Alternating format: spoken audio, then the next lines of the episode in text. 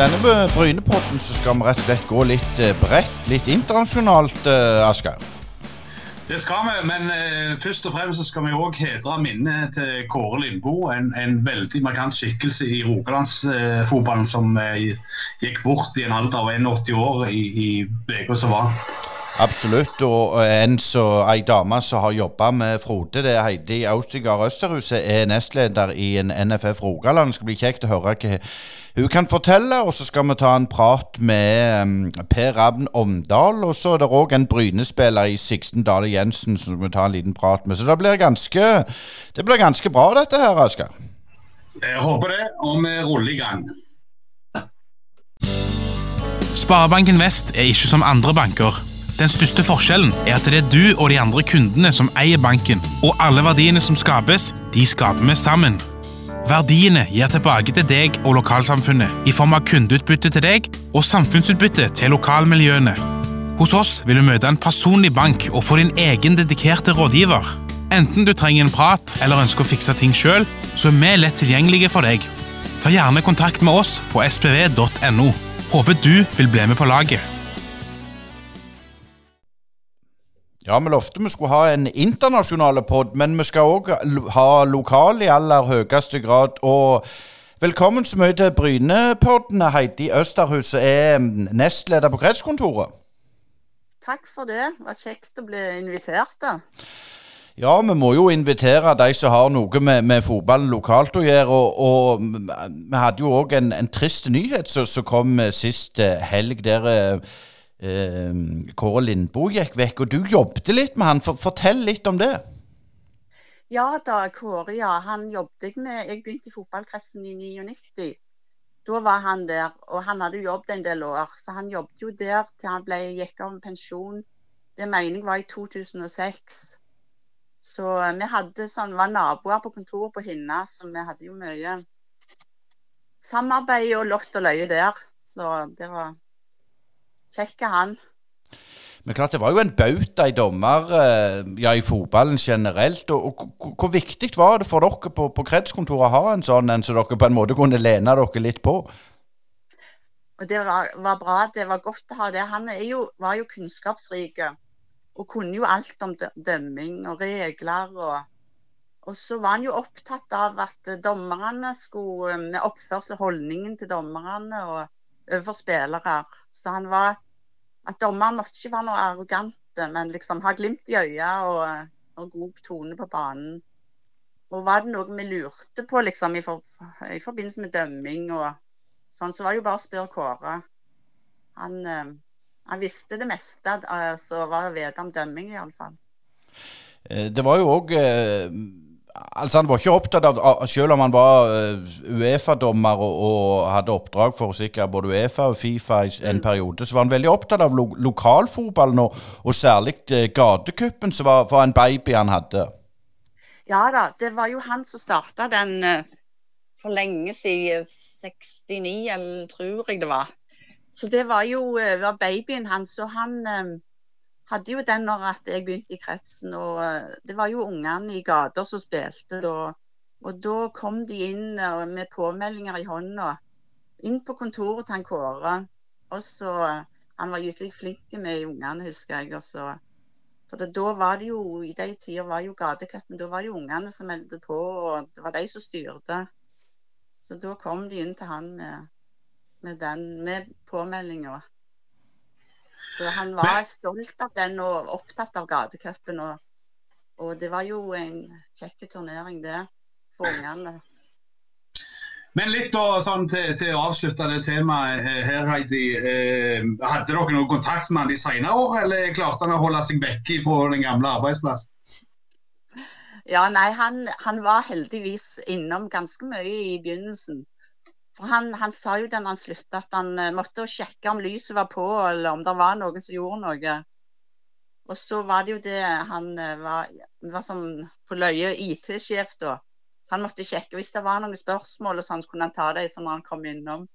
Så, um, men det var kjekt at han kom innom og drøste i lunsjen av og til. Og så, så det, for han var jo en mann med gode historier. Sånn. Det var alltid kjekt når han kunne sette seg ned og fortelle og, om før i tida og sånn. Det gjorde han jo mye i, eh, når han jobbet der òg, i lunsjen og sånn. Så um, historier fra når han var ute rundt i Europa, han og Sven Inge Time. Og, så ja, han hadde mye å fortelle. Men sånne typer som du nevner, altså Kåre og det er jo noen andre, vi har jo snakket med noen av de lokale klubbene, men, men, blir det færre og færre sånne typer som liksom ser det litt større bildet og er liksom venn med alle rundt forbi i miljøet? Er det noe dere merker at det blir færre av de der folka der? Eh, ja, eh, blir iallfall færre. Det kommer færre på besøk til oss.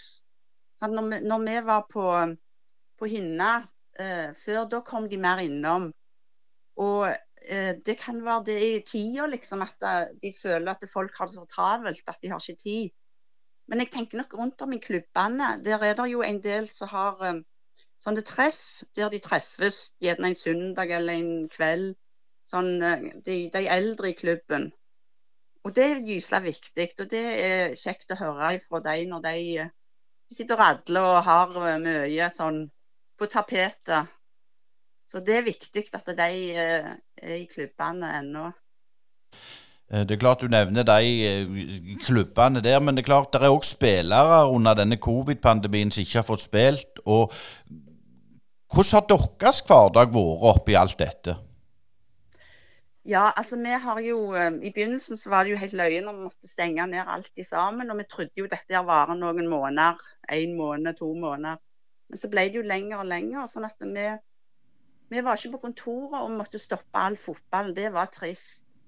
Og spesielt for de da senere, de eh, fra 20 år oppover, som ikke, ikke fikk komme i gang igjen på trening, skikkelig trening ennå. Så de syns jeg synd på. De, eh, der er det nok, får vi ikke håpe at det er mange som slutter, men at det er nok en del som sliter der. Klubber og spillere, da. Så det er jo spesielle tid. Så, så, går det jo opp og ned. Sånn som nå er det stengt, og så er det åpna litt. og så, så vi håper jo at uh, fram igjennom skal det At det er lys i tunnelen. At det snart uh, kan få spille kamper. og Spesielt de i 20 pluss. da. De har jeg litt vondt av, altså. Men, men er, det litt utfordrende å, å, se? altså Det er jo plasser der det har vært et par smitta. Altså sånn i Bjerkreim og, og, et par andre plasser det knapt har vært smitta folk. så er det jo vi vet jo at det er områder der det har vært opp og ned. altså Nord-Jæren spesielt. Eh, Haugaland har litt mm. mindre Haugesund hadde vi en runde. Men, men er, det, er, det, liksom frustrerende å måtte si at alle skal liksom behandles likt, og, og, de som knapt har sett en covid-pasient eh, som egentlig kunne holdt på, heller ikke får holde på? Det tenker jeg nok, og spesielt for de som bor der, da. De, da er det vanskelig å forstå at det må være sånn. Men uh, vi har jo nå satt opp sånn uh, lokalt for barnefotball, da, et uh, seriesystem fra åtte til tolv år vi, når de får lov å spille. Men det må jo være innenfor kommunene og sånn. så, så for barnefotball kan det gå an å spille hvis de bare spiller mot lag i kommunen. Og så det, kan det bli åpninger for at de, de kommunene, små kommunene med bare én klubb, kan få lov å spille mot nabokommunen. Men eh, det er klart, i ungdomsfotballen så er det jo eh, Da er jo seriene liksom over hele kretsen.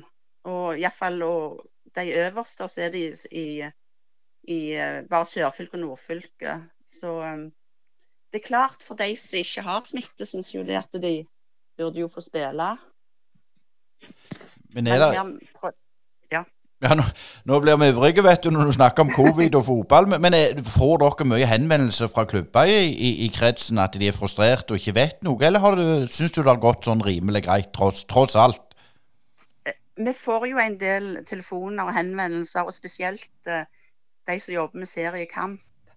Men vi har prøvd å ha møte med klubbene og informasjon da, hvordan med de tilgjengelige reglene etter hvert. Og klubbene er voldsomt flinke, og de tar alt sånn smittevern på alvor. Og, så der må jeg skryte over klubbene. De er flinke til å holde aktivitet innenfor smittevernreglene.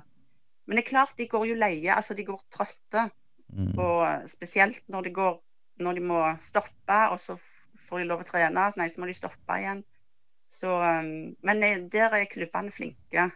Og vi prøver jo å informere så godt vi kan. og Etter hvert så det kommer nye ting og sånn.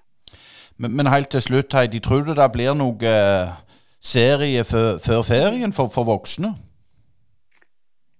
Eh, det er tvilsomt. Det sier de jo sjøl, klubbene. Når vi hadde møte med de for ikke så lenge siden, at de trodde ikke det. Det jeg håper på, at det kan være at de kan få trene litt før ferien. Sånn at, eh, og at jeg får kamper i, fra høsten da.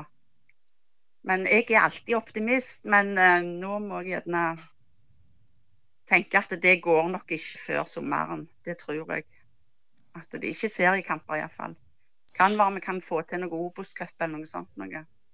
Mm. Det er jo mange som har hevda, eller vært litt på sosiale medier og så kritisert Det har jo helst vært Fotballforbundet at de har gjort for lite. Men forstår du, forstår du kritikken?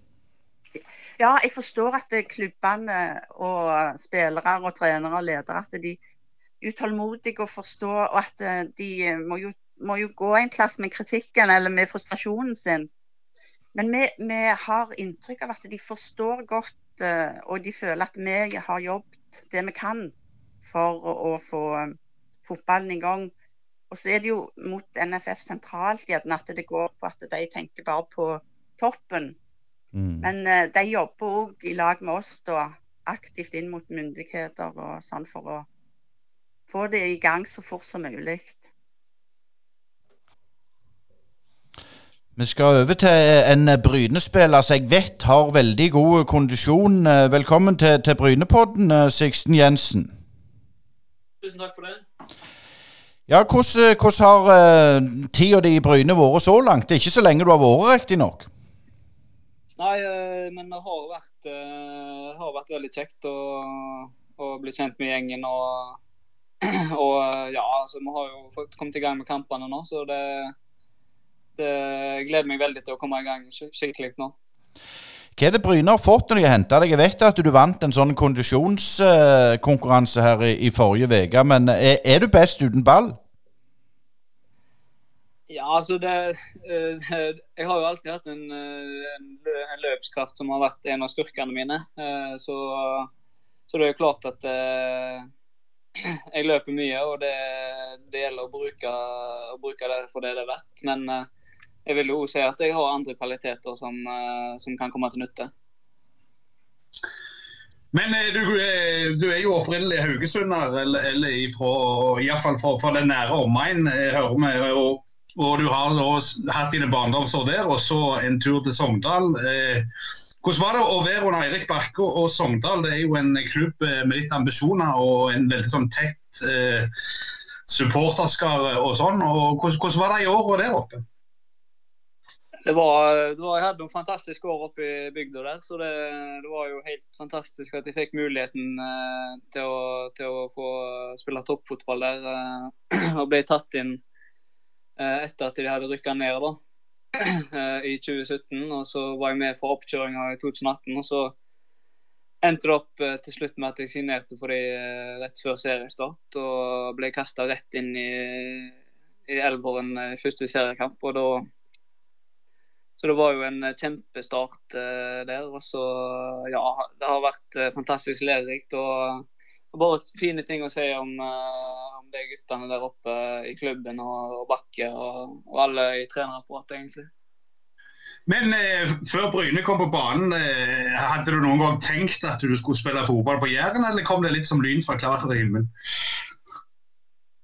Eh, nei, altså det var Situasjonen i Sogndal var litt at eh, systemet der oppe passet meg ikke så veldig bra, egentlig. Så så jeg fikk beskjed om at uh, hvis det kom noen klubber på banen og, og, jeg var interessert, så skulle ikke det være noen hindring for at jeg kunne gå. Så jeg fikk jeg vite da at Bryne var interessert ganske tidlig. Og uh, fikk prata litt med, med, Jan Halvor og Even og følte at uh, planene her på Jæren kunne passe meg bra. Så det var, så det var Jeg hadde en god magefølelse hele veien egentlig på Bryne. Så, så ja, så er det jo en klubb Eh, med, med fine, fine, tradisjoner og eh, mye engasjement om klubben. Så, så, det er jo kjekt.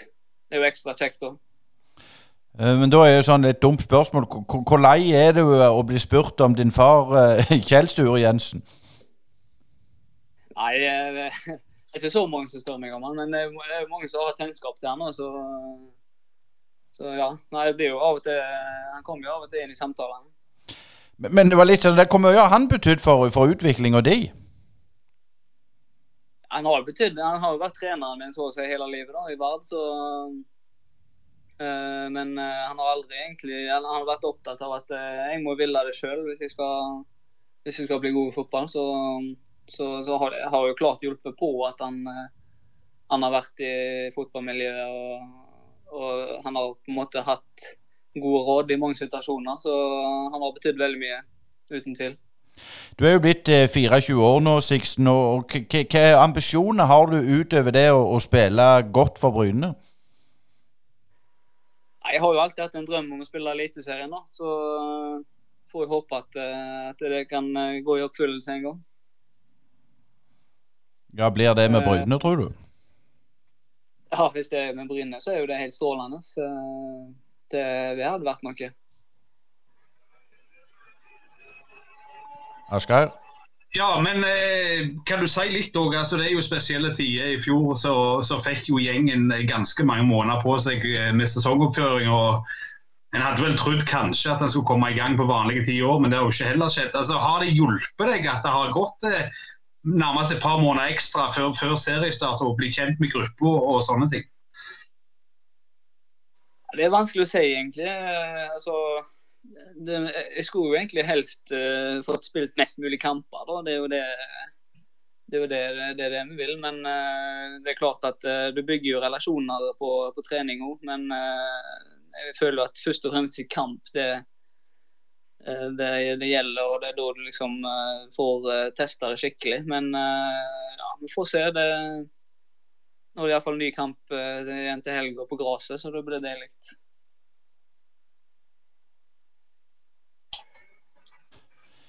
Ja, OK. hva Hvis vi skal gå inn på, på Bryne helt til, til slutt. Nå ble det jo en, en, en seier mot Start som kom fra Eliteserien. Er du imponert av det, så du, eller, eller er det sånn at du tenkte det var det nivået det var når du kom? Jeg syns det, det er veldig mange gode spillere her. Så, så ja, altså, jeg visste jo at Bryne var gode. De var jo eh, ganske overlegne i fjor i andredivisjon, så jeg var, jeg, var, jeg var Jeg var klar over at de var en gjeng med gode spillere, så, så det var Ja, jeg egentlig Ja, så jeg syns det er bra nivå her. Det, jeg syns ikke det er noe å si på intensiteten og, kvaliteten på trening, egentlig. Så ja, jeg føler egentlig at uh, vi kan slå alle lag i Obos-ligaen, så, så det blir spennende. Ja, Brynepoddene vi fortsetter, og vi lovte internasjonale gjester. og det, det er jo utrolig givende og rett og slett litt stolt at vi har fått Per Ravn Omdal med oss i Brynepodden, og velkommen. Tusen takk. Det er noe i, i Rogalandsfotballen som skjedde da i forrige uke. at Vi mista Kåre Lund, Lindboe, som da har jo vært en markant skikkelse i Rogalandsfotballen. Og selv om Per Arne Omdal eh, forlot fylket i relativt ung alder, så har han jo holdt på dialekten og kjente jo Kåre ganske godt. og Jeg syns det er på sin plass at vi gir eh, Per Ravn Omdal en mulighet til, til å si noen ord om Kåre, eh, og hva slags mann dette var. Ja, Kåre var en eh, fantastisk eh, person på alle måter. Eh, han var for det første en, en familiefar som andre kan ta godt eksempel av. Han var avholdsmann, og det brant han for hele livet. Og så var han fotballdommer etter å ha spilt sjøl. Eh, i, i ung alder, som de aller fleste. Og det, det folk kanskje ikke vet, så vi kan trekke frem en liten ting med Kåre. Han var den første i Rogaland og på Vestlandet som tok gullmerke i fotball. Altså ferdighetsmerke, som vi kalte det siden. Og det var i 1955. Så teknikken var i orden. For øvrig så var Svein Inge Time tror jeg den andre som tok det merket. Men vi kjenner han jo som internasjonal dommer, norsk dommer. Eh, han var en fremragende journalist på alle måter i Rogalands Avis. Eh, ble siden tilknytta fotballkretsen, hvor han også hadde vært formann. Jeg tror det var fra 71 til 72. Eh, og når han la opp som internasjonal dommer, eh, så jobba med dommersak i, i kretsen. Og han var åtte år formann, som vi sa den gangen, i dommerkomiteen i Fotballforbundet. Eh, så han var Det var fotball hele døgnet. Eh, og han brant for dette, og han brant for dommerne og talte dommernes sak. Og Rogaland har jo i, i hans levetid, hadde jeg nesten sagt, eh, fått fram veldig mange flinke dommere. Hvor Kåre var en stor inspirator. Han var jo samtidig med Svein Inge Time, som også var høyt oppe. Uh, og, og, samtidig var Kåre Sirevåg fra Viking en av de fremtredende dommerne som vi hadde på den tiden. Så da sto Rogaland veldig sterkt, spesielt på dommersiden. Og det, det, er jo et interessant fenomen. Og, og jeg husker jo eh, i min barndom disse dommerne. og Du nevnte at eh, Lindboe var avholdsmann, og, og, jeg husker jo ennå at Viking spilte jo en treningskamp mot eh, Tottenham eh, der han da dømte med en sånn Holsten-drakt eh, til Tottenham, altså med et ølreklame på brystet som det ble lagt litt eh, styr av i etterkant. Men det var virkelig en hedersmann, Kåre Lindboe. Men tilbake litt til deg. Eh, du er jo en gammel SIF-spiller og en gammel SIF-fan. Og de er det ikke så veldig mange igjen. Jeg har truffet to andre i livet som er sånn der ihuga SIF-folk. Kan du fortelle litt om den der Stavanger-fotballen når du vokste opp, og den der forskjellen på SIF, Vidar, Viking i den tida der? Ja, Hvis du ikke kjenner flere enn to SIF-folk, så syns jeg du skal ta deg en tur på reise. Nå det, blir det mange gode tilbud på, på reiser så kom du litt rundt, så treffer du masse siffer. Jeg jeg jeg, jeg kan fortelle deg det at akkurat i dag uh, så er SIF i kraftig vekst. De har på tross av de tidene som vi har lagt bak oss, uh, fått 100 nye medlemmer. Så de er oppe i 500 medlemmer nå. Jeg tror de har fått 100 nå bare på det siste året. Uh, A-laget på herresiden er jo i fjerdedivisjon, uh, men de har vært veldig flinke på både jentesiden og på guttesiden, aldersbestemt. Så det er liv laga. For meg var det helt naturlig i sin tid å begynne i SIF. Uh, jeg får nesten si for det første så var Far var formann i SIF. Eh, så jeg var med han på trening fra jeg var tre-fire eh, år gammel. Bodde på Vårland, og den gangen så var det ingen på Vårland som sto i Viking eller andre klubber. Det var SIF, liksom. Det var det det dreide seg om. Uh, og jeg vokste jo opp med å huske mange gode oppgjør på og både på Sandnes og, og, og på Bryne. Eh, hvor eh, SIF og, og, disse klubbene eh, konkurrerte selvfølgelig. Og så spilte SIF seg opp i hovedserien, som det het den gangen, og spilte der i 59. Når, når de kvalifiserte seg for hovedserien, så gikk det ekstratog fra Stavanger til Kristiansand. Vi spilte nemlig mot uh, Vindbjart. Uh, og jeg var elleve år, men var selvfølgelig med på det toget. Uh, vi vant med et fantastisk lag. Skauen, Kjell Skau Andreassen, som også har trent Bryne. Han, han, spilte på SIF den gangen han kom fra Viking, men gikk over som senior og var med på eh, den ene sesongen som de fikk opp i toppen. Og Så har det gått litt i bølgedaler etterpå. Men, men eh, jeg lover deg at klubben er det skikkelig liv i ennå. Uh, og, og, jeg har brukbar kontakt med og besøker dem så, så, snart jeg er i Stavanger. Eh, jeg fikk også gleden av, fordi jeg etter å ha flytta til Oslo i, i 62, så var jeg tilbake i militæret i 66 på Vatnleiren. Så da fikk jeg en halv sesong på SIF. Uh, og da, Det jeg husker spesielt fra det, det var at vi, vi slo Ålgård i kampen om kretsmesterskapet i fjerde divisjon. Så det var, det var, store, store tider, det, selv om det, det var langt opp til første divisjon. SIF var et fantastisk klubb, og de har vært flinke nå også på jentesiden. Men eh, et spørsmål til deg som, fagmann her. altså Nå, nå kan du gi ett ja. svar med hjertet og ett svar med hodet. Altså den eh, oppturen de hadde nå for noen år siden, der de kom opp i Obos-ligaen en sesong, var det vel, og, og, ja. og så forsvant ned igjen. Eh, hvis du, hjertet var jo selvfølgelig vill jubel, men hvis du skulle tenkt litt hode, var det litt sånn litt for ambisiøst satsa og litt for lite rekruttering i rekkene til å holde seg der oppe?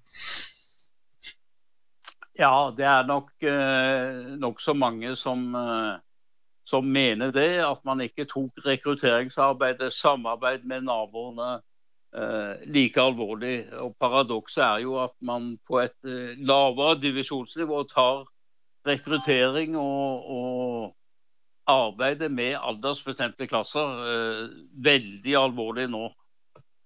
Uten at man liksom snakker om at man skal opp i divisjonssystemet på død og liv. Tenk på hva en sånn klubb som SIF og Bryne og alle, alle de 1800 klubbene vi har i Norge, hva de betyr i lokalsamfunnet.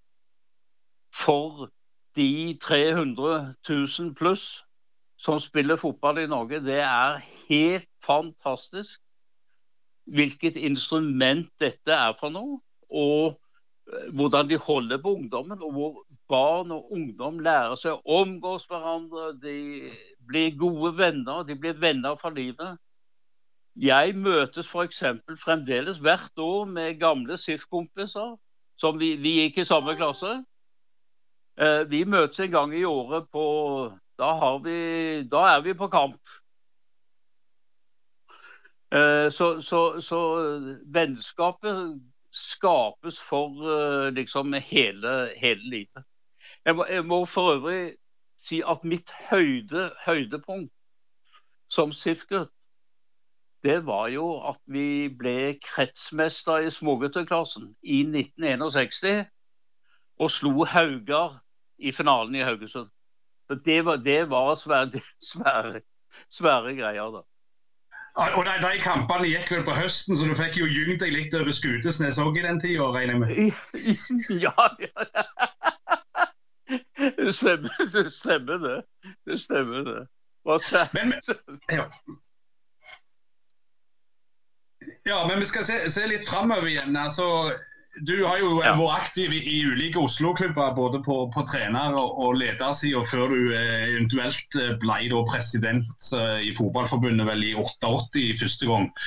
Eh, 88 er jo sånn eh, brytningstid i norsk fotball. Det er jo da Norge er best i treningskamper og, og ikke har vært noe mesterskap siden 1938 med, med Kvammen og gjengen eh, der de tapte for Italia. Men hvordan var det å komme inn i forbundet sånn på slutten av 80-tallet der, og, og, og, hva slags forbund var det på en måte du, du kom inn i? Og, og, fotballen i Norge var jo sånn nesten, men ikke helt.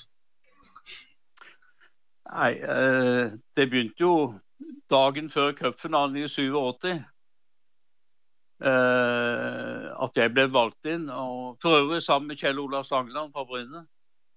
Uh, og så var det ordinært fra 88. Det var uh, ja, noen utfordringer rent organisatorisk og økonomisk akkurat uh, når vi tok over. Vi sleit og jobba med det i et års tid, og så begynte tingene å falle på plass. Og så fikk vi veldig hjelp av etter hvert en eksplosjon i TV-inntektene fotball ble den mest populære salgsvaren eh, på TV, og det økte inntektene radikalt. Både nasjonalt etter hvert, og også internasjonalt. Så, så du kan si eh, det begynte å bli Noen ting ble enklere og kombinert med forhåpentligvis uh, sunn fornuft. Så gikk, så gikk dette, dette, fremover. Uh, og etter hvert uh, så uh, falt tingene på plass med aldersbestemte landslag, ungdomslandslag uh, osv. Uh, jeg jobba jo f.eks. Uh, med Drillo på ungdomslandslaget fra 79. Jeg satt i styret og var leder for ungdomslandslaget. Og, og, kjente han og fikk han inn som A-landslagstrener. Eh, og det viste seg jo å være et, eh, et, eh, et bra grep, da. Og det la grunnlaget for eh, det som skjedde. Og så, samtidig med dette, så får vi flere og flere spillere ute som gjør seg gjeldende i profesjonell fotball. Erik Thorsvedt, Rune Bratseth, Henning Berg osv. osv. Eh, og alle de som var profiler og fremtredende på 90-tallet, eh, det var faktisk noen generasjoner. Og går jeg tilbake til eh, 88-89, så kvalifiserte de seg for VM for junior i sin tid. Eh, på, på, på, på, den tiden. Så de fikk internasjonalt erfaring på et nivå som vi kanskje ikke hadde hatt før. Og så balla det på seg. Eh, de fikk et, eh, et sportslig veldig godt grep om liksom, tingene. Men samtidig så, så, har jeg også lyst til å spørre, jeg har en sånn teori på at eh, små nasjoner, altså hvis du snakker utenfor de stabile store, Frankrike, England, Italia, Spania, Tyskland osv., har ofte en sånn gyllen generasjon som kommer opp og gjør det ekstremt bra. Nå har vi jo sett det på Island de siste årene, f.eks. danskene på 80-tallet, svenskene kanskje på 70-tallet allerede. Eh, Rosenborg dominerte jo totalt på klubbfotballen i Norge på, på 90-tallet og, tidlig 2000-tallet. Og du sier at eh, det ble mer fjernsynsinntektene øka osv. Men allikevel så så du jo den duppen etter EM i 98, at landslaget ikke kvalifiserte seg lenger. Rosenborg begynner å, å miste Champions League-plassen osv. Er det noen forklaring for, for hvorfor den duppen rundt år 2000 pluss kommer i norsk fotball, selv om inntektene har økt, som du nevnte?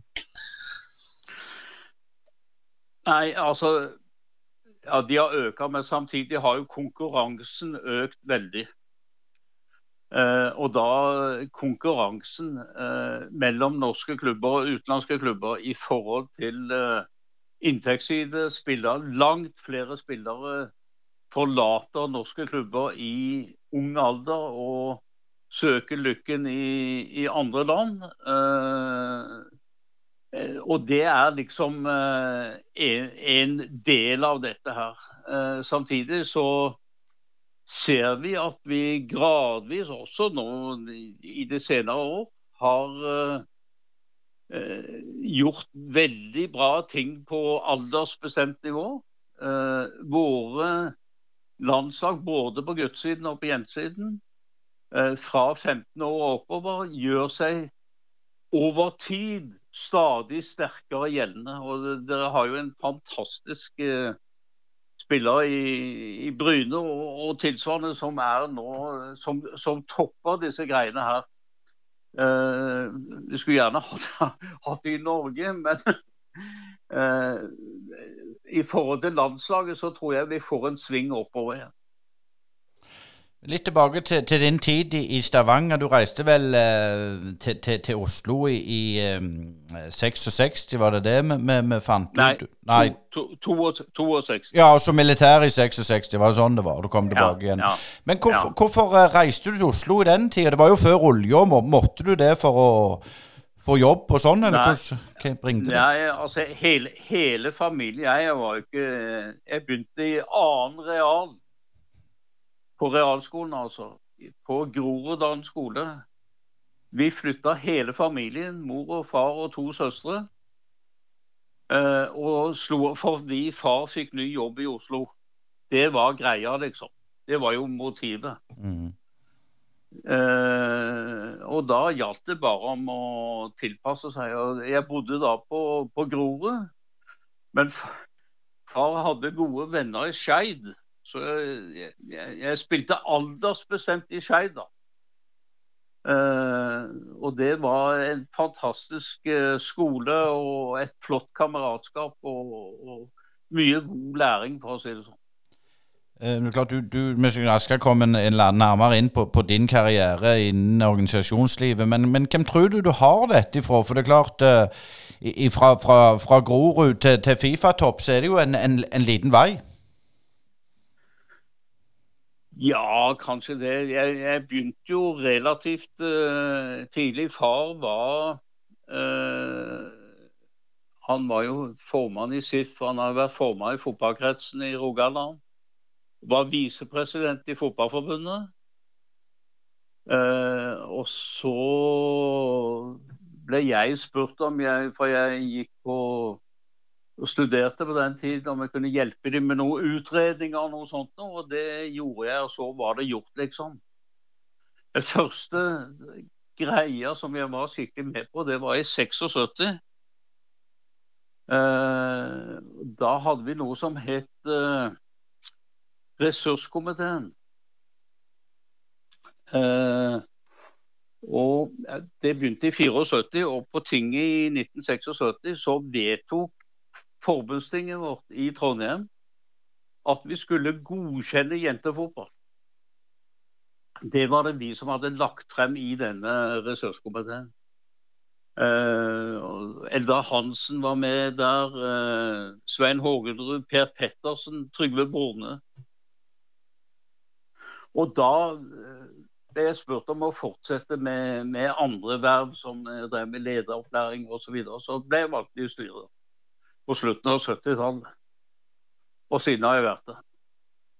Ja, og, og med, I dag er det jo mulig å gå og se i gamle aviser, så ser jeg jo at det var jo en ung, eh, ung Omdal som hadde da markedsføringskurs, eh, markedsføringslovskurs oppe i Nord-Norge og sånn, så jeg kan godt forstå at du vil engasjere deg litt i fotballen i tillegg. men Litt om sånn der, du, du har jo vært klubbleder i, i litt før det ble proff og, og den slags. Men i Norge eh, og i andre land for så vidt òg, så er det vært en, en tendens til noen sånne eh, klubber som får en eh, rik onkel som hiver inn penger, og så spretter de opp i divisjonene, henter folk utenbygds fra. og, og og, og en har en sånn kort periode, kanskje i Obos eller Tippeligaen, og så forsvinner en da ned igjen der en var tidligere. Altså, generelt sett har fotballen i Norge vært frisk, eller var det liksom perioder der det tok litt for mye av at alle skulle opp i toppen og hadde sett litt for mye på fjernsyn? Ja, det, det, var det, det var det helt sikkert. Eh, ikke bare var det Det vet vi at det var, at noen, noen tar av.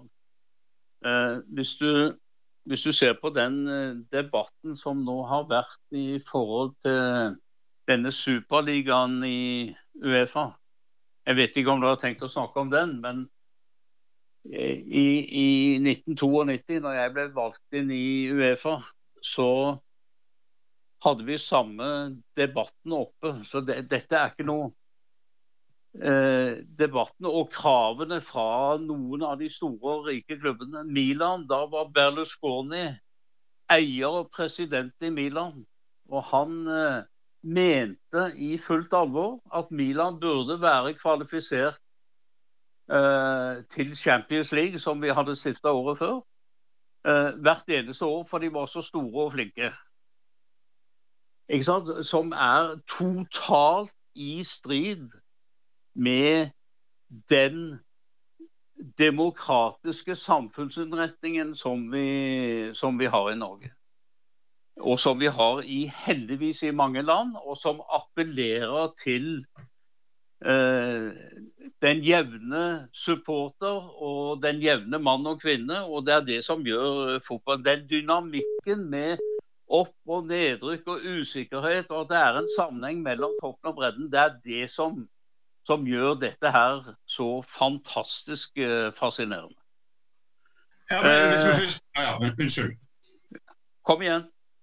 Nei, altså, Når vi først penser innom eh, temaet altså Champions League eh, Før var det jo det der eh, serievinnercup, cupvinnercup og, og Uefa-cupen ja. der vi knapt nok så finalene på, på fjernsynet. Men eh, altså det der endringer der, Du får jo Premier League eh, samtidig med Champions League, mer og mindre. altså De begynner vel eh, omtrent likt. altså det endrer jo eh, fotballen ganske alvorlig, iallfall på pengesida. Så kommer jo Bossmann på toppen, som gjør at det skjer en endring til et par-tre år senere. Men eh, hvordan var det å være midt oppi den der endringa? Hadde dere sitt at klubbene skulle bli kjøpt opp av eh, rike fra USA og Russland nei, og, nei. og så videre? Eller hva, hva var tanken bak liksom, i den tida? Ja, tanken bak var jo eh, inspirert av at vi så TV kom fra 88, 89, 90. Så kom jo TV-inntektene, som jeg sa før kolossalt. Og da eh, engasjerte vi noen folk som eh, så på hvordan er det mulig å få til et konkurranseelement som kan skape forsterket interesse for fotballen og bringe mer penger inn i fotballen. For det er klart, Her konkurrerte man med, også med andre, andre idrett. Så du kan si det var både en konkurranse og et pengemotiv bak det. Eh, men så er spørsmålet hvordan bruker man, hvordan anvender man de pengene? Eh, og da, det, da er det en, en konstant eh, kan du si, diskusjon, kamp mellom de store klubbene og forbundene. Uefa eies av 55 medlemsforbund. og noe av pengene går selvfølgelig tilbake til de som er med. Men veldig mye av pengene går også tilbake til disse 55 medlemsforbundene. Så f.eks. Eh, Fotballforbundet i Norge og i alle de 54 andre får inntekter fra Champions League, fra EM, fra VM osv. osv. Så sånn finansieres dette her. Eh, så jeg, jeg og det, det, er sider ved eierskap i klubbene. Hvis man, hvis man ser Her er England inne med tre-fire amerikanske eiere. Uh, I Spania enkeltpersoner som uh, er bunnløse i gjeld og skal ha mer inntekter for å betale ned gjelda. Osv. osv. Uh, og det, det, er noe av den utfordringen man har. Det som gleder meg oppi dette, det er jo at supporterne og eh, noen av landene eh, og Uefa sier nei, sånn skal vi ikke ha det. Vi skal ikke ha et lukket konkurransesystem som i USA, hvor du kjøper deg plass oppe i eliten. Her skal det være dynamikk, og det skal fremfor alt også være en mulighet for alle til å delta.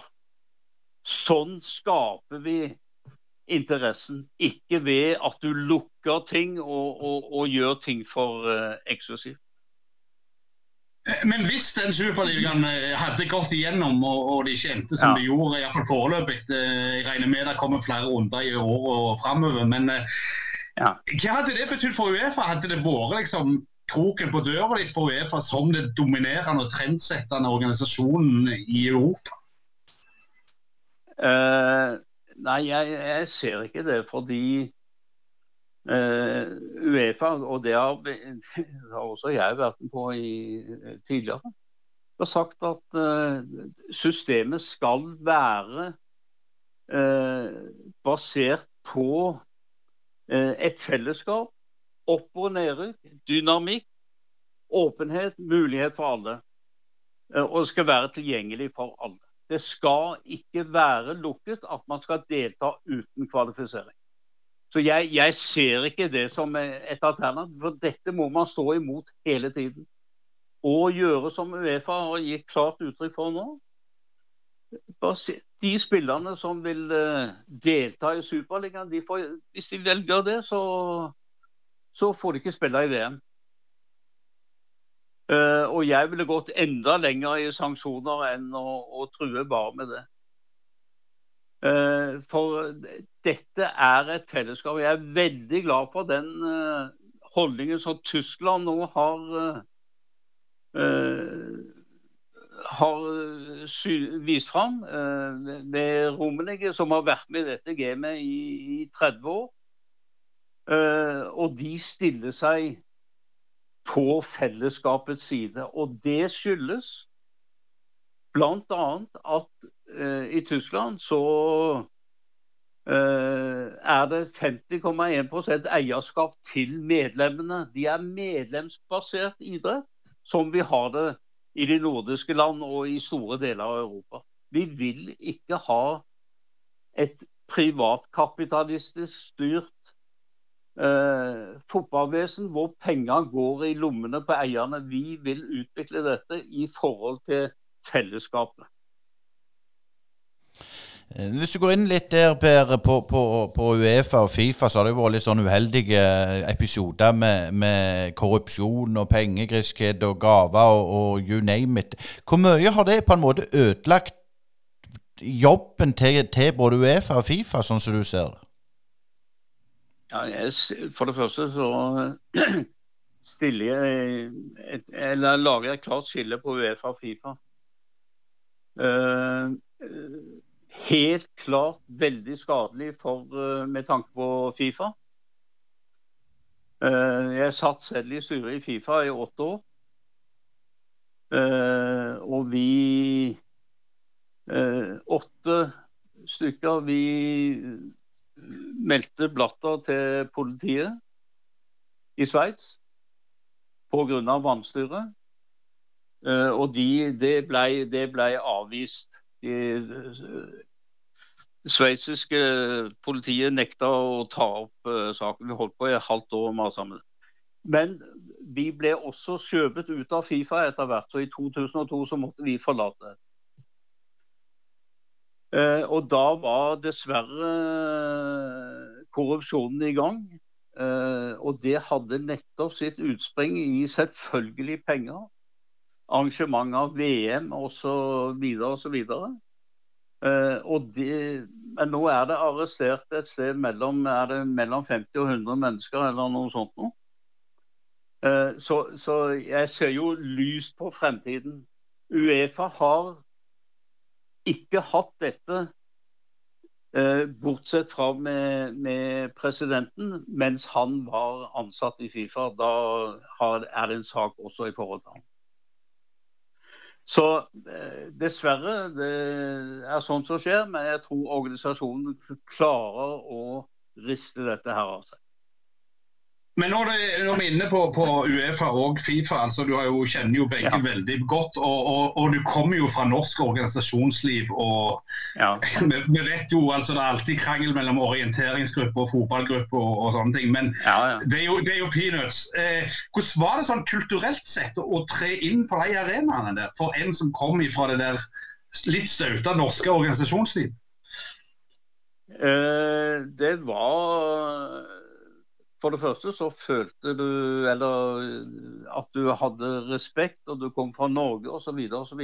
Vi var jo ikke eh, Vi var jo langt unna det du kan kalle et toppnivå. Men eh, spesielt i forhold til Lennart Johansson, som var sjefen min i, i Uefa, så er jeg, ser jeg tilbake på, på, de årene, altså tilbake til 91-92, eh, med glede. Altså, og vi, vi fikk med de andre nasjonene på eh, f.eks. økonomisk fordelingspolitikk. Alle nasjoner, alle 55 nasjoner fikk et grunnbeløp som var helt likt, uavhengig av størrelse. Stemmerettsregler, eh, likestilling, eh, forholdet til migrasjon, Eh, og, en, og, ikke minst også forholdet til breddefotball, til å få jentene med osv. osv. Så, videre, eh, så var det fantastisk. Eh, og der er det selvfølgelig all verdens eh, motforestillinger. Men vi fikk respekt, og vi vant flertall. Men også fordi at vi gikk inn i sånn som det må være i den type styringsorganer, eh, et samarbeid med noen av de store nasjonene. Og den gang var det det var eh, England og Tyskland veldig mye. Men eh, det skjer jo en, en markant endring da, eh, fra 1989 eh, av. altså Europa var jo delt, og plutselig så har en da åpna opp, og, og, folk kan begynne å bevege seg over landegrensen igjen. og Jeg husker jo vi spilte vel en turnering i Danmark mot et land fra St. Petersburg i, i tidlig 90-tall, og, og, da var jo spillerne kom jo noen sånn fillery omtrent. Og Da var du med for å utvikle den fotballen i Øst-Europa. Hvordan var det det arta seg? ja, dette skjedde jo i uh, nyttårsaften 91-92. Uh, og jeg var nokså fersk i styret, uh, men jeg ble spurt om å Og da, ble, da ble, gikk Sovjet i oppløsning.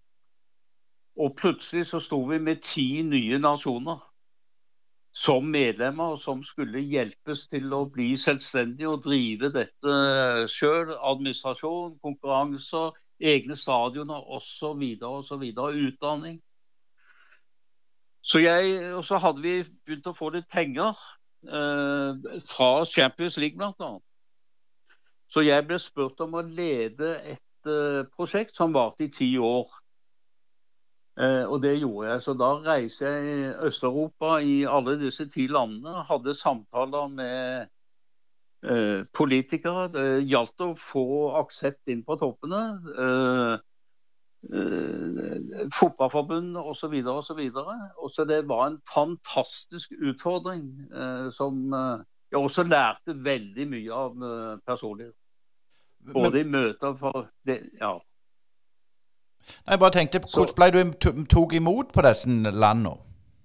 Jo, det altså det var, det var faktisk med åpne armer. Eh, og noe av det skyldtes eh, eh, at vi hadde med litt økonomiske bidrag som de kunne starte opp med. Og det språket skjønner jo alle. Eh, så vi lagde utviklingspakker basert på hvert enkelt land eh, forutsetninger og tradisjoner som gjorde at de fikk utvikla seg. Det var f.eks. bygging av et nytt konkurransedyktig stadion. Husk på de, mange av de gamle stadionene, spesielt i Østblokken, var falleferdig. Og så og Man gikk fra to-tre lys, og så skulle du plutselig spille Champions League og ha ja, tidobla lysantallet f.eks. rundt uh, tribunefasiliteter, sikkerhet. Alt dette her jobba vi med da. Pluss utdanning, ikke minst.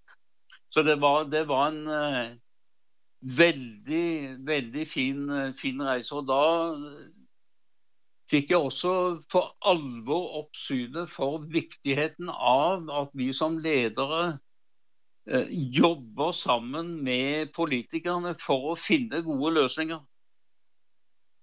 Eh, si 10-15 år seinere hadde jeg også i mange år, i seks-syv år, ansvar for Uefas forhold til EU.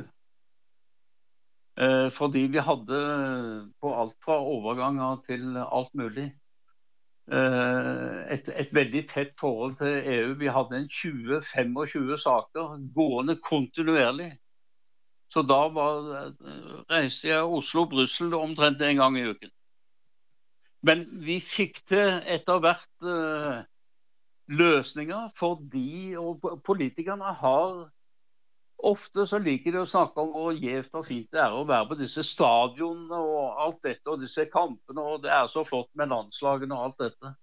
Men når det kommer til stykket, og du kommer innpå klingen på politikerne, så sa de at vi har alltid et øre å lytte til og vil gjerne gjøre noe sammen med fotballen. For dere tar vare på ungene våre. Det var greia. Så det skal man aldri glemme oppi dette. Det er et sånt helt grunnleggende greie som ligger der. Eh, ikke sant? Det er 370 000 unger i Norge som spiller fotball. I året før pandemien så hadde vi 128 000 jenter. I, i 3-74 før vi begynte for alvor så var det 50-60. Så, så, det har vært en eksplosjon, og det har man fått det også fordi man eh, får en fornuftig dialog med politikerne, og ikke stiller seg på sin høye hest, men sier hvordan kan vi løse disse tingene sammen. Men Hvis du ser litt på den, den debatten som har vært med Superligaen, og der føler jo jeg både på en måte Uefa har har kommunisert det litt dårlig. Det har blitt litt sånn at de òg har sittet på sin, sin, høye hest og ikke fortalt det som du forteller nå. Deler du den uh, synspunktet? Ja, det er uh, ja og nei. Uh, det er ofte, ofte vanskelig å, å, å, liksom nå frem. Altså begynne å snakke om bredde og jenter og sånt når du sitter med Real Madrid og, og Barcelona, det, det, det, det, går an, det. Men, men, de hører ikke så godt etter. Eh, og, og, det sosiale ansvaret som vi har, samfunnsansvaret som fotballen har. Eh, så det kan alltid bli bedre forklart, men det er ikke så lett midt i en sånn het diskusjon sånn som det har vært nå. Men på sikt så må dette fortelles.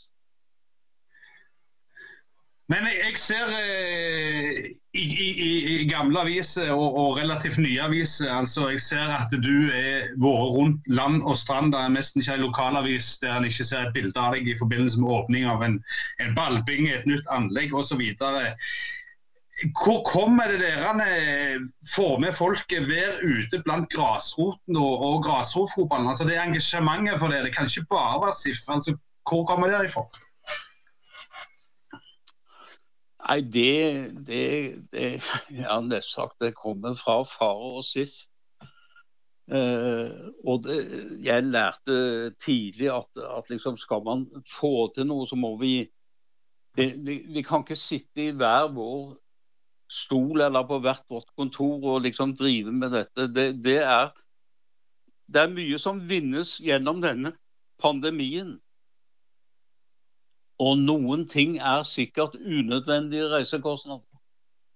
Men hvis du lever i en sånn eh, organisasjon som dette her, så må du være ute og snakke med folk.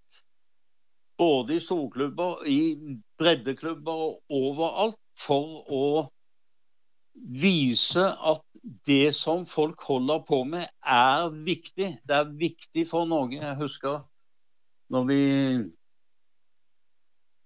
eh, var i, i begynnerfase på, på, Eller en tidlig fase på, på kvinnesiden. Eh, så, så, fikk jeg alltid styremedlemmene med på at de måtte må ut på kamper, ut og vise frem, få tatt bilder, si, vis frem at dette er viktig. Og det autoriserer mye av det vi holder på med fremfor å bare sitte på et kontor og, og mene dette med en pekefinger. Men, men altså, i dag eh, det er jo usikre tider. Covid har jo kommet eh, som overraskelse på veldig mange. Men altså, Idretts-Norge har vel kanskje vært litt uklart ut. Og spesielt eh, bredden har jo lidd vanvittig under dette regimet. Altså, har på en måte makta til idrettsorganisasjoner, altså både Idrettsforbundet og Fotballforbundet, svekkes litt de siste årene, eller er det omtrent som det var på de tid?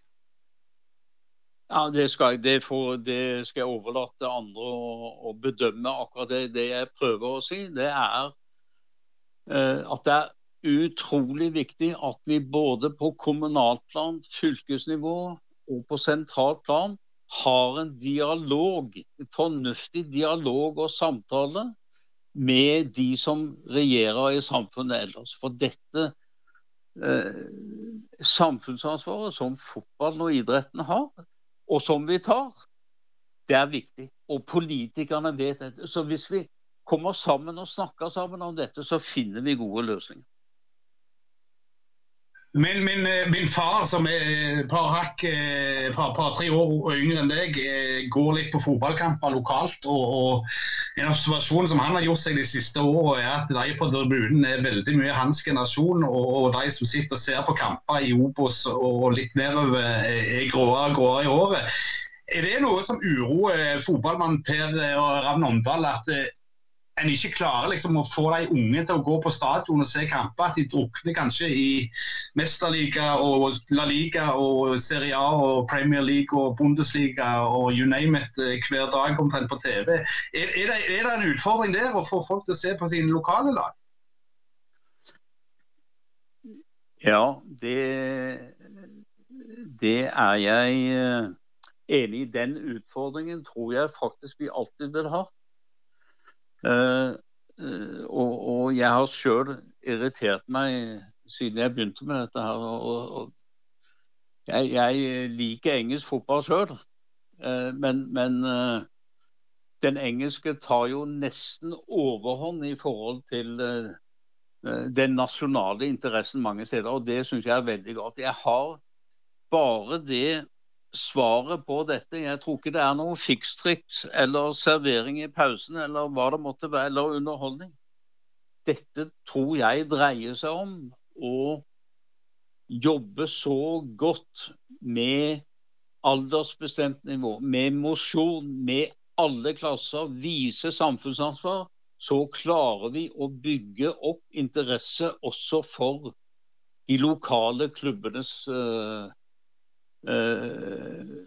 kan du si, kamper osv. osv. Jeg tror alt, alt går den veien. Og da, hvis vi jobber veldig bra og jobber hardt med dette, så kommer folk på stadion. Det så, så Asker sier her, at du, du har vært i mange aviser, men jeg har bedt meg merke Du ser litt sint og sur ut av og til. Sier du det, ja? Ja vel. Ja. Jeg får prøve med en plastisk operasjon eller noe sminke eller et eller annet, så jo, Sier du det? Ja, det var jo synd. Nei, det var en spøk, det sies det. Men, men, men, men du har jo, du har jo uh, selvfølgelig godt humør, men du har jo òg uh, ei hytte på Okna, du, så, så, du er jo, du er jo på, på heimtraktene dine allikevel? Ja, det, nå er det andre i familien som har, som har tatt over, men jeg er veldig glad i ungene sjøl. Uh, og prøver å være der sånn uh, av og til. Og er veldig glad i, i hele Jæren, for å si det sånn. Og, og selvfølgelig også Stavanger. Så uh, tenke, tenke alltid på det. Og de gamle oppgjørene mellom Sif og Bryne, de var flotte, altså. Ja, men det, det, er bra. Vi fikk jo et stalltips her av, av, en av våre gjester. at uh, På Brusand så hadde de de beste pølsene, så du får kanskje gå og se en kamp der neste gang du er på Okna. Men eh, før vi holdt på å si runde av, så har du jo drevet et veldig interessant arbeid de siste årene som ikke så mange har hørt om. Du har vært veldig aktiv med å spre fotballen i urolige områder så, som jeg hører hjemme i for tida i Midtøsten. Kan du fortelle litt om det? Ja, det, det, begynte i 97. Da begynte vi et prosjekt nede i Vietnam. Eh, som vi dro, eller jeg dro i gang med eh, ambassadøren vår der nede den gangen. Og det lever ennå. Og hvor mange titusener av jenter og gutter vi har hatt der, eh, det, det, tør jeg ikke si. Det er nå tatt over av det vietnamesiske forbundet. Eh, og, og de stilte kvinnelandslag for eh, ti år siden, tror jeg. Og når vi begynte, så var det null jenter som, som spilte. Så har vi altså et uh, prosjekt i Midtøsten som har gått siden uh, 2007. Da var Drillo trener i, landslagstrener i Irak. Uh, og så ble det noe skudd av mudder ikke fra han, men fra andre, andre steder. Og så ble jeg sendt ned, og så uh, starta vi et prosjekt i Irak som også lever i beste velgående. Og uh, det samme gjør vi i Iran, i Jordan, Palestina, Libanon, Egypt, Tunis og Marokko. I flere år så holdt vi på Vi avslutta f.eks. i Jordan bygde vi 18 fotballbaner eh, som jeg hadde spesielt oppmerksomhet på. Eh, tolv av de banene var at vi la kunstgress på skolegården på tolv pikeskoler. Eh, og de seks andre, det var vanlige eh, kunstgressbaner. Men for å gjøre en lang historie kort, de landene jeg sa nå, pluss seks land på Balkan, er nå, det nå bare fokusert på jentefotball. Vi utdanner trenere, kvinnelige trenere. Eh, og vi har titusener av jenter som har begynt å spille fotball. Alt dette gjøres i forståelse med Utenriksdepartementet og er en del av den offisielle norske bistandspolitikken. Så fotball som bistand er fantastisk fordi det engasjerer eh, hverdagen til jentene i familielivet, også den øvrige familie. Eh, det berører skolesituasjonen. Eh, og Norge gjør en formidabel innsats for å bedre kvinners rettigheter i en del muslimske land, og noen av de andre som jeg nevnte nå. Og Da er jentefotball blitt en viktig del også av det. da. Så det er utrolig spennende, og jeg håper at det kommer til å fortsette i veldig mange år fremover. Men, men, ser du altså når du reiser rundt og, og ser på, på, anlegg og, og hører jentene som, som, begynte i 2007, begynner jo å, å vokse til litt. altså er det noen sånne gode historier om, om noen som har liksom tatt steget fra på seg, skolegården til, til landslag og sånne ting? Er, er, det populært i disse landene, dette her? Som veldig, er jo veldig mannsdominerte samfunn? Ja, jeg, jo, jeg har jo jobba veldig mye i Jordan. Eh, hvor for øvrig prins Ali, som er bror til kongen, han er eh, fotballpresident. Og sto, han sto opp mot Blatter på et av valgene i Fifa. Han vant dessverre ikke frem. Han er en utmerket kar. Uh, og han er stor tilhenger av barnefotball, og ikke minst også jentefotball. Uh, og de har fått frem eh, Jordan, med, jeg tør påstå, med god hjelp fra norske instruktører som har utdanna trenere der nede. Et eh, brukernes landslag. Eh, og, de, og, dette sprer seg over hele Midtøsten. Så alle disse landene har nå mellom, hvis jeg sier mellom 25 000 eh, kvinnelige spillere. Eh, og, og, reiser du til et land som Iran, så er det en kvalitet på kvinnelige spillere som er uh, særdeles god. Uh, de har noen utfordringer på, på, andre områder som gjør at de ikke kommer, kommer helt fra. Så, så, dette har vært utrolig eh, givende. Eh, uken før pandemien brøt ut her, så var vi med, jeg og et par andre fra forbundet, på statsbesøk i Jordan, hvor vi viste frem det vi eh, holdt på med, spesielt på, med utgangspunkt i en pikeskole i nærheten av Amman, som er hovedstaden. Eh, og stor interesse for det. Jeg kan nevne at, at eh, jeg, jeg, På et tidspunkt så var jeg også i parlamentet i Bagdad og orienterte om det prosjektet. Og der eh, var det mange, eh, eller overraskende mange, kvinnelige eh, representanter. Og de var kolossalt interessert i prosjektet og lurte på ene drev med volleyball og en med basket og sånt. Og det, det er ikke mitt gebet, men, men interessen for å få gjort noe er der. Og fotballen er en fantastisk eh, verktøy i forhold til å få til noe sånt. Men om vi først eh, beveger oss i Midtøsten, så må vi jo eh, spørre spørsmålet eh, om denne boikottdiskusjonen som har gått i Norge eh, i, i, i covids lys. Eh, hvis jeg skal være litt djevelens advokat, så vil jeg jo si det er to ting som ikke har vært framme i debatten. Det første er jo at VM i Qatar, uansett hvordan det ble tildelt, er jo et VM som er for hele den muslimske og iallfall den arabiske verden. Eh, Pga. at det er første gang et VM har blitt arrangert i et muslimsk land. Det andre er jo det om det er noen sanksjonsmuligheter fra, fra Fifa hvis Norge skulle boikotte. Eh, har du noen syn på det? Ja, altså, jeg er jo sterk tilhenger av at, vi, at det finnes løsninger som går på å påvirke både Fifa og Qatar i forhold til eh, menneskerettigheter og, og, andre forhold. Eh, så jeg, jeg, ser helst at vi finner en, en, dialogvei som gjør at vi gjerne må være aktive, selvfølgelig, og påpeke det vi er uh, uenig i.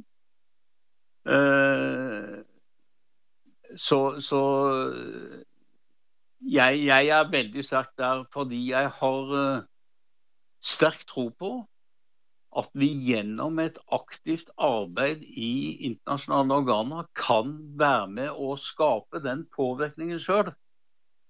Og, og, den endringen sjøl.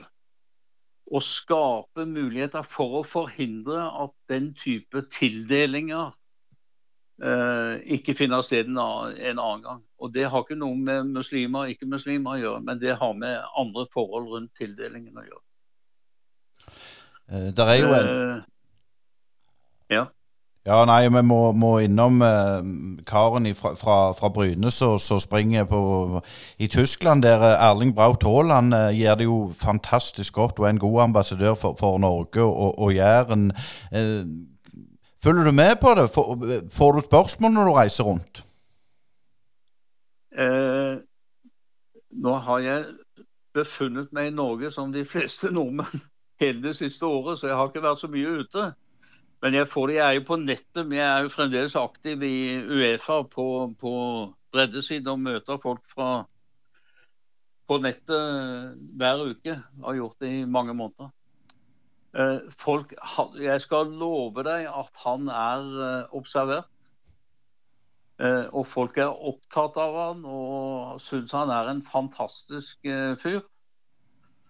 Han har jo et faderlig opphav som vi kjenner alle sammen. Så, så ja, jeg, jeg, får bare håpe inderlig at Erling lykkes. Han har gjort en utrolig eh, sak for både, både seg sjøl, selv, selvfølgelig, men for norsk fotball og Bryne i, så lenge han har holdt Det, er, det er nesegrus uh, beundring for det. Men det, du, Nå vet du jo at Fifa har sånne regler med utdanningskompensasjon og sånn. Men hva syns du litt på det at spillere og agenter stikker med ganske mye av den kaka, og relativt lite til, til, til moderklubbene, når du ser de beløpene det blir snakk om? Ja, jeg leda i sin tid. Det var etter Bosman-dommen så ble jeg satt til å lede forhandlingene med Fifa om nytt overgangssystem. Eh, og da fikk vi en sånn såkalt kaskadegreie. Eh, altså at noe av pengene skulle gå tilbake til moderklubben. Eh, og det, er jo der vi Inn i den kanalen vi, vi ønsker at dette her skal gå. Eller og så har man eh, forlatt systemet med offentlig godkjenning av uh, agentvesen og utdanning osv. som vi hadde i en begynnelse. Så jeg, jeg må bare si som et uh, prinsipp så er jeg helt enig med deg at disse pengene bør tilfalle partene innenfor fotballen. Og at man tilgodeser moderklubb på en ålreit måte, en skikkelig måte. Det var utrolig kjekt å, å, ha deg med, Per Ravn Omdal. Og tusen takk for du tok deg tid til å være eh, med oss i Brynepodden. Så får vi bare håpe at denne coviden gir slipp, så vi får reise og se, se, fotball igjen. Ja, det blir uh, veldig kjekt. Jeg gleder meg til første gang. Sparebanken Vest er ikke som andre banker. Den største forskjellen er at det er du og de andre kundene som eier banken, og alle verdiene som skapes, de skaper vi sammen. Verdiene gir tilbake til deg og lokalsamfunnet i form av kundeutbytte til deg og samfunnsutbytte til lokalmiljøene. Hos oss vil du møte en personlig bank og få din egen dedikerte rådgiver. Enten du trenger en prat eller ønsker å fikse ting sjøl, så er vi lett tilgjengelige for deg. Ta gjerne kontakt med oss på spv.no. Håper du vil bli med på laget. Ja, det er av og til du eh, kunne tenkt at uh, ting aldri slutta. Og det var mest sånn uh, i denne potten her. Det var utrolig kjekt å få snakke med Per Ravn Omdal. en legende i, i, europeisk og i verdensfotballen, Asker.